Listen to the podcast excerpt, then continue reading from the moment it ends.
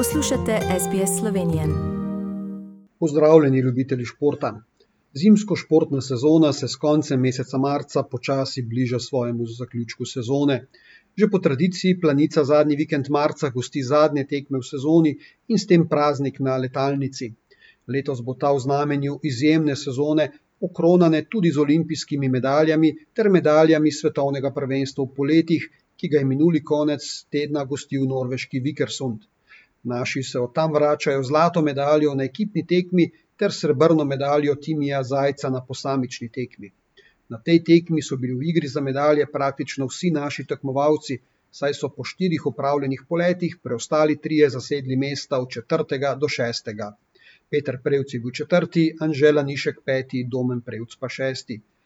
Kako dominantni so bili na letalnici naši letalci, priča podatek z ekipne tekme, na kateri je naša reprezentanca ob koncu imela kar 127 točk prednosti pred srebrnimi Nemci. Prihodni konec tedna nas v planici tako čaka še zadnje dejanje sezone, dve posamični tekmi v poletjih ter ekipna tekma prav tako v poletjih. Minuli vikend se je končala tudi sanska sezona smučark skakav, v kateri so punce praktično osvojile vse, kar se je dalo. Prvič doslej je namreč naša reprezentanca zmagala v pokalu narodov v ekipnem seštevku točk vseh tekmovalk po državah in prav simbolično so na zadnji tekmi sezone prvič v zgodovini na zmagovalnem modru stale kar tri slovenke. V Oberhofu v Nemčiji je zadnjo tekmo sezone dobila zlata olimpika Urša Bogataj pred Niko Križnar in Emo Klinec. V skupnem seštevku svetovnega pokala ob koncu sezone je Urša Bogataj osvojila drugo mesto, Nika Križnar pa tretje. Minuli vikend je dve tekmi v veleslalomu za svetovni pokal gostila tudi Krajinska gora. Kljub pričakovanjem, da bo na domačih tleh zablestev srebrni olimpijec Žan Kranjec, mu to žal ni uspelo, saj je na obeh tekmah zaradi manjših napak končal na desetem mestu.